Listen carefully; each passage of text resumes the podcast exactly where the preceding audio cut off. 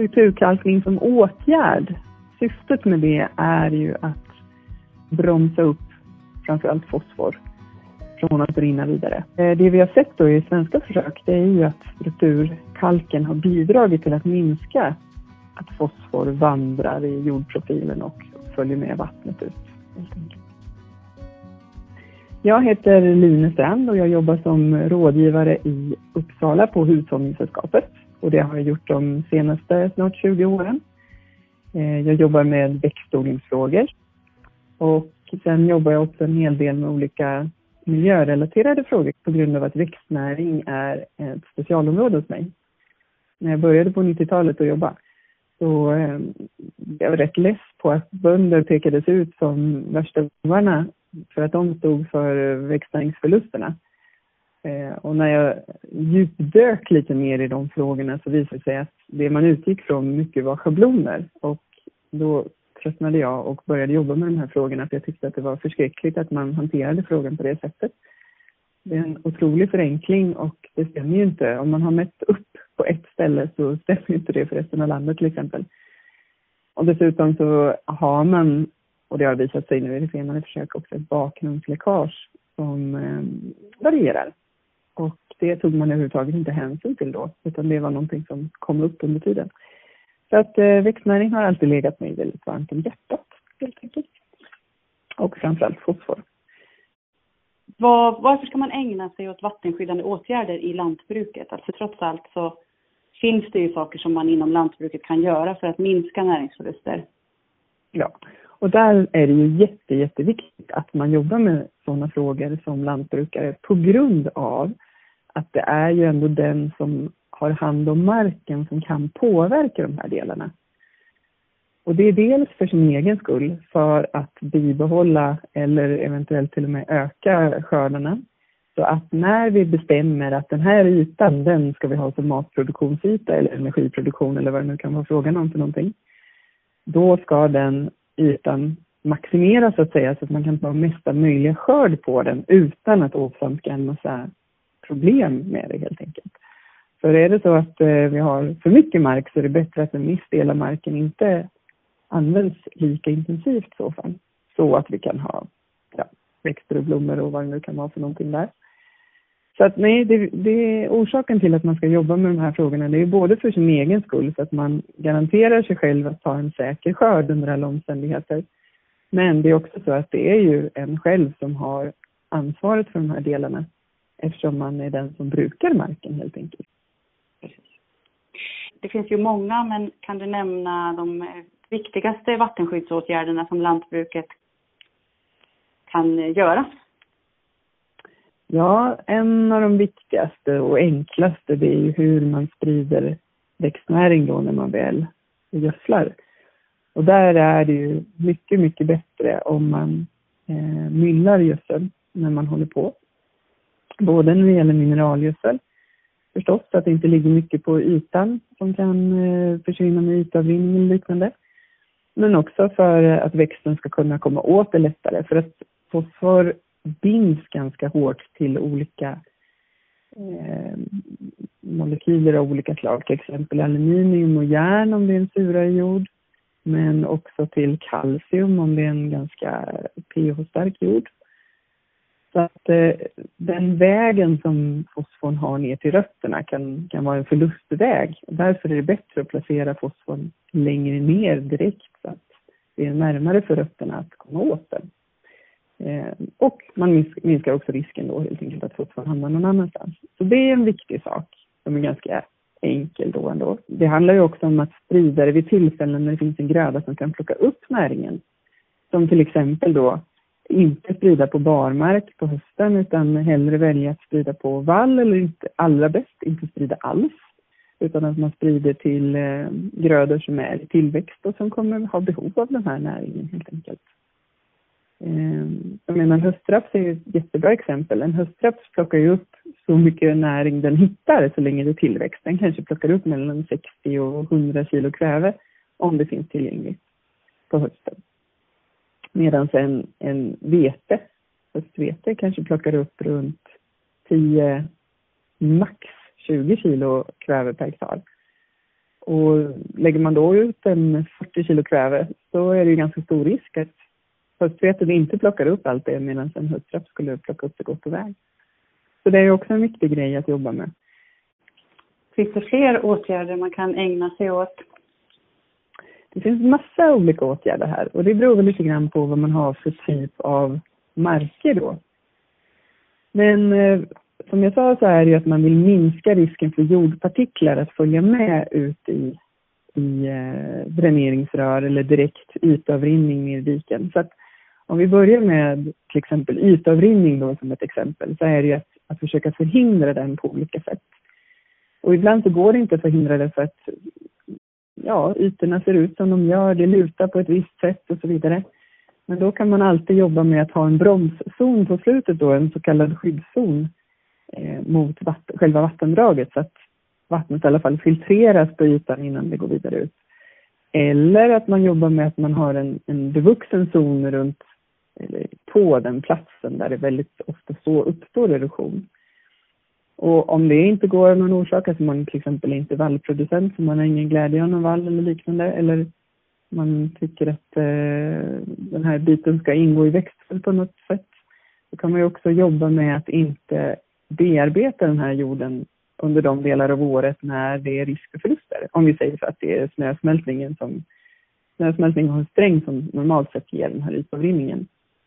Eh, då kan man ju välja att lämna jorden obearbetad och sen vårbearbeta den i så fall då på ett antingen grunt sätt med en karriär eller liknande eller att man till och med kultiverar eller någonting annat beroende på vad det är för typ av ytor. Och på det sättet så kan man minimera förlusterna av jordpartiklar ganska rejält. Så det är en sak som man kan jobba med. En annan jätteviktig sak att jobba med, det är ju vattensystemen. Jag kan inte alla vattensystem på Åland, men från mina hemtrakter runt Uppsala så vet jag ju att det är många dykningssystem, avvattningssystem av olika slag som är ganska eftersatta på grund av att man inte har haft ekonomi egentligen i lantbruket att jobba med dem på det sättet man kanske gjorde när eh, man fick bättre betalt för spannmålen eller mjölken på 70-talet. Så eh, i vårt fall så handlar det väldigt mycket om att återställa funktionen hos olika vattendrag, dykningsföretag etc. för att på så sätt minska översvämningar men också eh, att få vattnet att fara fram lite lugnare så att det inte eroderar så mycket i vattendragen. Så att återställa funktionen hos eh, dykningsföretag eller att bara sköta normalunderhåll, rensning, eh, så att man tar bort de jordmassor som ändå hamnar där i så att de slipper rinna ut i Östersjön utan att man plockar upp dem och eh, ja, lägger dem på åkermarken helt enkelt så man kan börja producera igen. Det är också en väldigt, väldigt viktig åtgärd. Dels handlar det om att näringen ska ligga där man vill ha den, men det handlar ju också om att minimera risken för odlingen.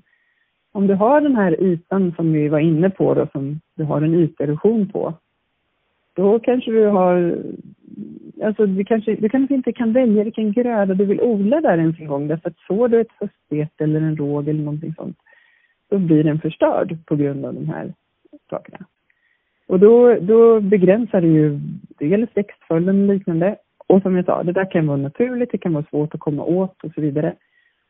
Men det kan finnas andra ytor där det är onaturligt att det blir översvämningar utan orsaken beror på till exempel en dåligt underhåll av ett, ett vattenföretag eller att dräneringen är undermålig. Och då tar man ju en risk. Man har ju samma kostnader för de ytorna som är riskabla som man har för resten av ytorna som inte är riskabla.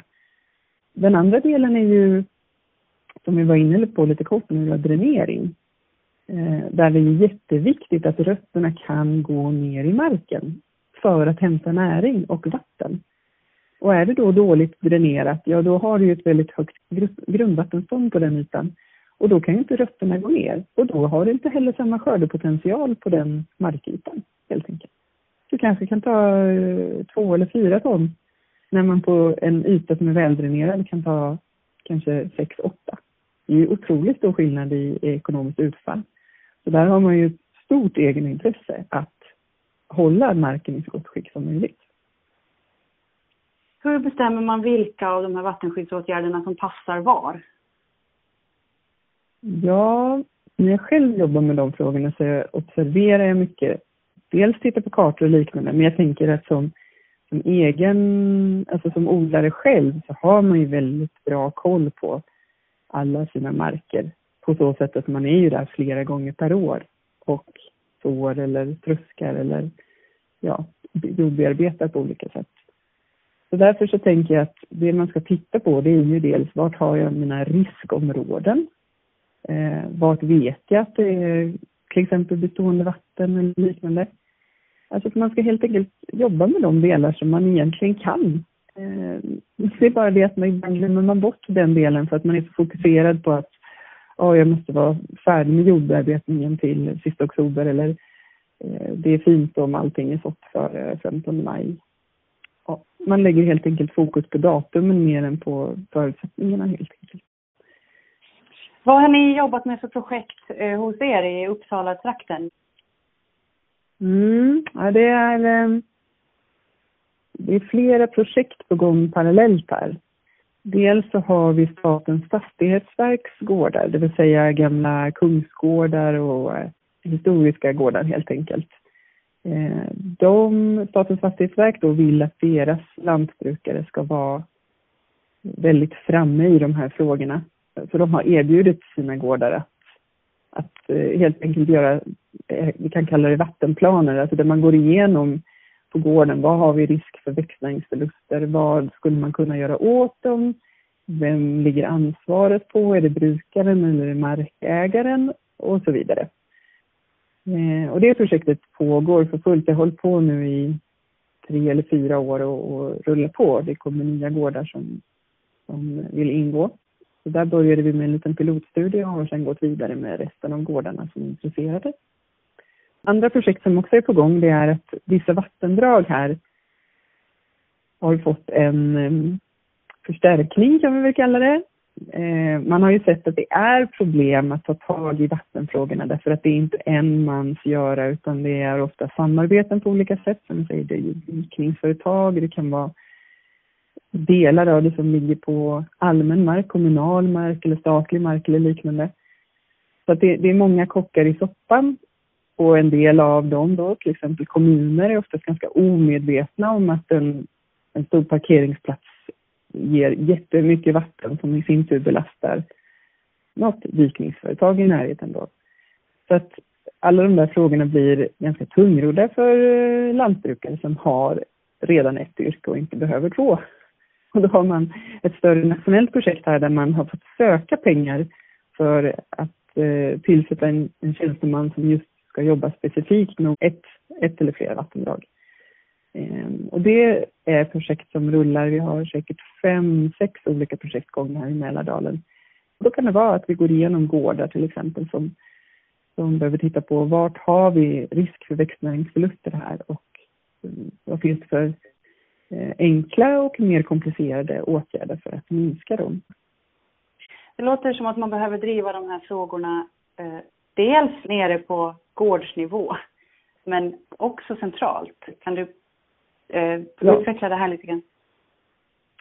Jo, men så är det ju för att eh, på gårdsnivå så som jag säger så har man ju ett ansvar för sitt eget brukningssätt och att man gör det på ett så smart sätt som möjligt tjänar man ju oftast på ekonomiskt. Men sen så när det gäller ett dikningsföretag då eller en allmänning av något slag så är det ju flera som ska till och säga ja för att man till exempel ska återställa ett, en dikesprofil eller vad det nu kan röra sig om, bygga en våtmark eller liknande. Och där kommer det in eh, lagar och regler och, och, man behöver göra ansökningar och man kanske behöver göra anmälningar i förväg och man behöver tillstånd eventuellt. Så där blir det ju mycket av en administrativ process och, och byråkratisk process. Varför har vi hamnat i ett läge där man inte tar hand om sin mark eller inte tar hand om sina diken eller vad, vad är problemet? Vad, vad var det som hände? Ja, dels så har det väl att göra med att storleksrationaliseringen har gjort att där det förut var kanske fem eller sex gårdar så är det nu en eller max två gårdar. Det är ju färre personer som ska göra mer, det har vi det ena. Sen den andra delen i det hela, det är en ren ekonomisk fråga. Eh, nu är väl spannmålspriset hyfsat, men under perioder här så har vi haft ett spannmålspris nästan under kronan under de här sista årtiondena. Och den svenska kronan alltså. Och det går ju inte att få någon lönsamhet på en sån produktion utan det är ju mer värt att upprätthålla ja, att, att hålla igång verksamheten överhuvudtaget är ju imponerande av de som har gjort det. Eh, så det är en kostnadsfråga också. Det kostar ju att underhålla. Och vem ska betala det om samhället idag släpper ut mer vatten i de här systemen till exempel än vad som var när de anlades i början på 1900-talet. Eller slutet på 1800-talet till och med. Sen har vi ju i Sverige överlag ungefär 50 procent av all mark arrenderas och när vi har då markägare som är ytterst ointresserade av de här frågorna, de är bara intresserade av att få in sitt arrende Eh, och inte om underhåll av åkermarken och kanske inte heller förstår det längre därför att ingen av dem som har lantbruksbakgrund själva utan de har ärvt det här från föräldrar eller morföräldrar eller farföräldrar. Eh, då är det ju svårt att ta in de frågorna och det har liksom aldrig varit någon diskussion runt det. Så det är väldigt många delar av det här som, som förstås påverkar. Och sen har ju då samhället, istället för att, att säga till lantbrukarna att ja, men det är ju ni som sitter på möjligheten här, så har man snarare belastat dem med en massa dåligt samvete för att det är de som förstör. Eh, och det är också ganska opedagogiskt, och då händer det inte så mycket heller.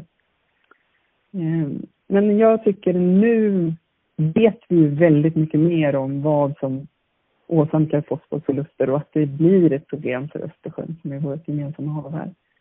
Så att här eh, det finns ett behov även från lantbrukets sida att visa att vi bryr oss och vi försöker göra skillnad. Men vi kan inte trolla med knäna utan vi behöver ju faktiskt också förutsättningar för att kunna göra skillnad.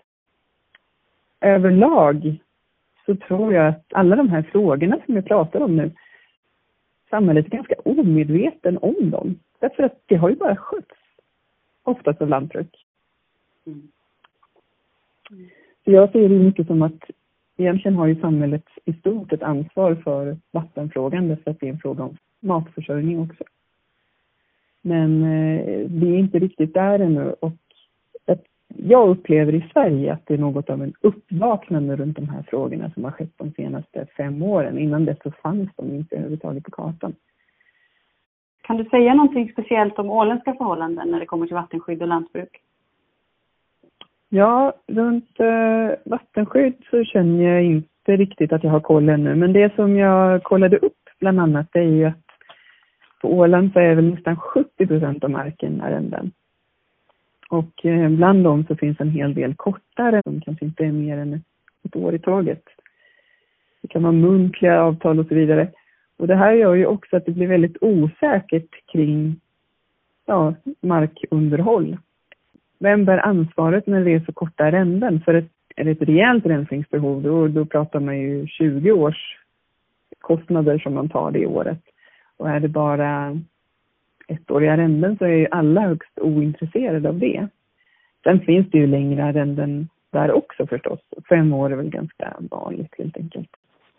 Men sen så har ju ni väldigt mycket mer specialodlingar i form av potatis och grönsaker och liknande. Som ger en annan intäkt per hektar. Så spontant så känner jag att intresset för sådana här frågor borde vara väldigt mycket större.